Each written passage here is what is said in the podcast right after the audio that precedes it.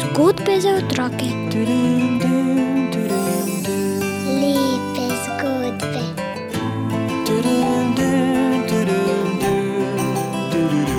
Bere nam jih Juri Sešar. Lepo pozdravljeni v novem adventnem dnevu z novo zgodbo, z novim delom naše poti proti Betlehemu o skrivnosti velikega kamna.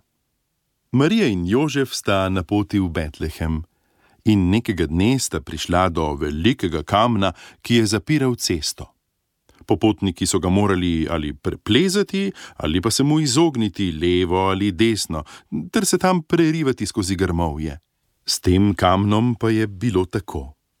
Ko so delali cesto, je moralo sedem mož napeti vse svoje moči, da so ga skotalili stran.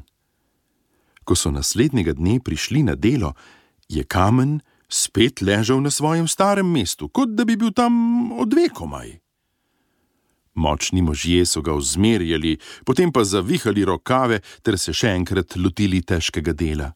Spet so gromozanski kamen zavalili stran s poti, in naslednji dan so ga spet našli tam, kjer je ležal prej. Tokrat so ljudje preklinjali še bolj kot dan poprej. Potem pa so se še tretjič spravili na delo in s poslednjimi močmi kamen odkotalili na stran. Ko pa so ga naslednji dan spet našli na istem mestu, kot da ga ne bi nihče nikoli premaknil od tam, ni nihče več spregovoril trde besede. Možje so se začeli spraševati, kaj naj to pomeni, ker pa niso našli odgovora na svoje vprašanje, so poiskali svetega moža, ki je samotno živel v gozdu. Njemu so povedali o kamnu, ki se je vedno znova vračal na staro mesto. Sveti mož jih je pozorno poslušal, razumevajoče prikimal in jim spregovoril: Tisti, ki naj bi ta mogočni kamen odstranil z poti, še ni prišel. Pustite torej kamnu naj leži tam, kjer je, in prepustite tistemu, ki je za to določen, da ga bo odkotalil z poti. In močni možje so poslušali njegov nasvet. Tako je kamen ležal sredi ceste v napoto popotnikom. Tudi Marija in Jožef sta obstala pred njim. Jožef ga seveda ne bi mogel odkotaliti v stran, tudi s pomočjo oslička ne. In ko sta zamišljena stala pred oviro, je Jožef, ne da bi se zavedal, s palico narahlo udaril po kamnu. Komaj pa se je kamna dotaknil, se je ta razpolovil, polovici sta padli desno in levo kraj poti, in zdaj, zdaj je lahko vsakdo videl, da je mogočni kamen v svoji notranjosti poln kristalov, ki so se čudovito lesketali v sončni svetlobi. Malo pozneje je prišel po poti tudi sveti mož.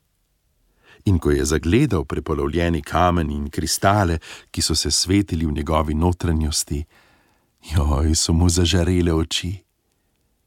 Tisti, ki je bil določen za to, da bo kamen odstranil z poti, je bil tu, si je rekel. In veselje ter upanje sta napolnila njegovo srce. In naj bo veselja tudi v naših srcih vedno več, iz enega v adventni dan naj bo več veselja, nestrpnega pričakovanja in hvaležnosti, ker vemo, da bo prišel in se rodil v jaslicah. Z današnjo adventno nalogo pa se, dragi poslušalci naših podkastov, obračamo tudi na vas in se vam zahvaljujemo, da nas poslušate. In tudi vi lahko najdete nekoga, ki ste mu hvaležni za to, da vam prisluhne, da vas posluša. Kdor namreč uresničuje Božjo voljo, ta je moj brat, sestra in mati, pravijo evangelske besede. Uresničujmo Gospodovo voljo in prisluhnimo tudi drug drugemu.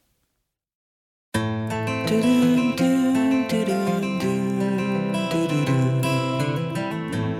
za otroke. Lepe zgodbe.